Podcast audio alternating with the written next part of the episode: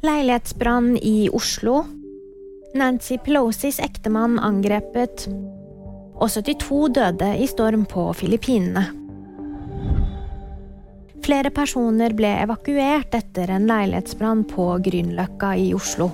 Slukkingen tok flere timer, men brannvesenet fikk kontroll på brannen rundt klokken halv seks lørdag morgen. 29 personer ble evakuert, og de vil få tilbud om alternativt oppholdssted. Det er ikke meldt om personskade på noen av dem. Nancy Pelosis ektemann ble angrepet fredag.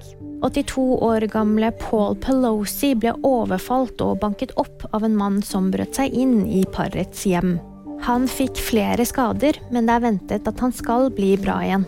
Angriperen var trolig ute etter Nancy Pelosi, som er leder for Representantenes hus i USA.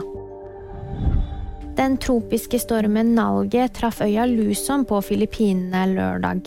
Stormen utløste oversvømmelser og jordskred, og innen lørdag morgen var det registrert 72 døde og 14 savnet. Det opplyser sjefen for Filippinenes sivilforsvar. Det er fare for at uværet kan treffe hovedstaden Manila. Og VG-nyhetene de fikk du av meg, Jamund Britt Gahr.